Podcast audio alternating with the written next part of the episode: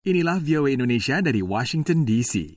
Mendalami hobi untuk membantu mengisi waktu luang dan menghindari rasa bosan pada masa pandemi merupakan hal yang sudah umum dilakukan banyak orang. Namun, belum tentu itu merupakan keterampilan yang dapat berguna untuk memudahkan hidup kita pada masa sulit seperti sekarang. Laporan VOA berikut akan mengajak Anda menemui sejumlah diaspora Indonesia yang menemukan talenta yang mempengaruhi hidup mereka di tengah pandemi.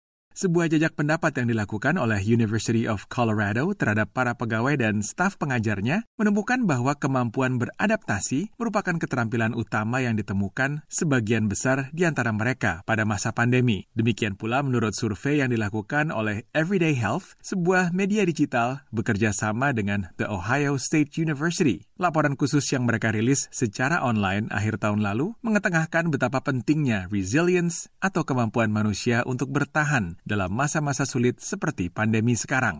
Menurut Patrick J. Rottinghouse, seorang profesor ilmu psikologi konseling di University of Missouri, kemampuan manusia beradaptasi merupakan keterampilan yang penting untuk ketahanan hidup. Dalam sebuah artikel yang dilansir harian Washington Post pertengahan tahun lalu, Patrick menganggap kemampuan beradaptasi itu penting, jauh sebelum terjadi pandemi, saat perekonomian dunia berubah sehingga orang terpaksa berubah haluan dalam pekerjaan, pindah kota tempat tinggal, ataupun secara berkala terpaksa pindah sekolah atau kejuruan. Sejalan dengan pemikiran itu, tidak heran jika kini banyak orang yang bukan saja mencari hobi untuk mengisi waktu luang, namun banyak di antara mereka yang berhasil menemukan bahkan membina sebuah keterampilan baru yang dapat membantu mereka beradaptasi dan bertahan dalam masa pandemi yang berkepanjangan. Novia Hardy adalah seorang mantan pramugari yang sekarang ikut suaminya bertugas di Amerika dan kini tinggal di kota Stamford, Connecticut sejak Oktober 2019.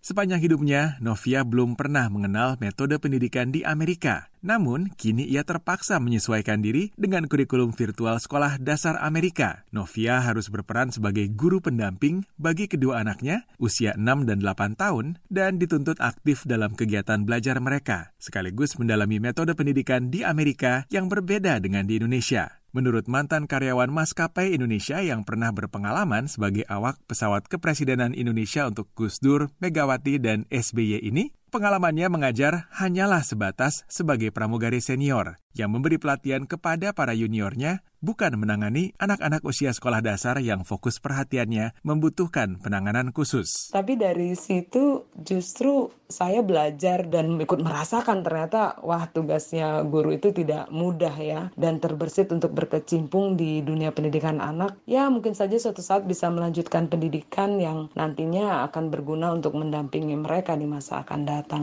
Sama halnya dengan Andri Subiakto yang sudah hampir 23 tahun tinggal di Amerika dan berpengalaman lebih dari 15 tahun dalam bidang pasar modal. Berawal dari kegemarannya bermain band di sekitar Washington DC, terjadinya pandemi mengakibatkan Andri kehilangan kesempatan bermain band. Akhirnya, ia bersama seorang teman SMA yang tinggal di Manila melakukan jam session secara daring dan berlanjut dari berdua menjadi berempat di empat negara yang berbeda. Mereka lalu mulai merekam video yang kemudian secara rutin setiap sekitar dua bulan mereka kemas menjadi musik video. Untuk kegiatan barunya ini, Andri mempelajari teknik penyuntingan dan rekaman video yang benar agar mendapat hasil yang maksimal. Keterampilan menyunting video kemudian mendapat sambutan baik ketika ia gunakan secara seksama ketika di kantornya diadakan kontes membuat video musik yang mengupas kemampuan bermusik para karyawan.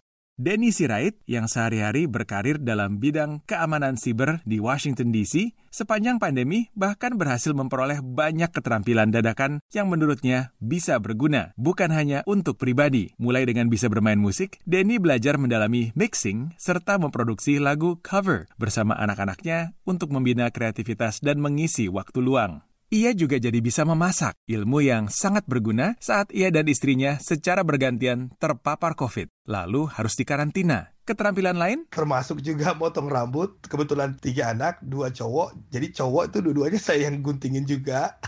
Tinggal beli trimmer. Ya saving money juga. Dan ke depannya mungkin bisa, wah bisa punya bakat terpendam nih untuk apa potongin rambut orang lain. Menurut Denny, walau mungkin belum terpikir untuk mendalami cukur rambut secara profesional, ia akan terus melakukannya demi keamanan sepanjang pandemi. Dan seterusnya, untuk kepentingan penghematan keuangan. Demikian laporan VOA Indonesia.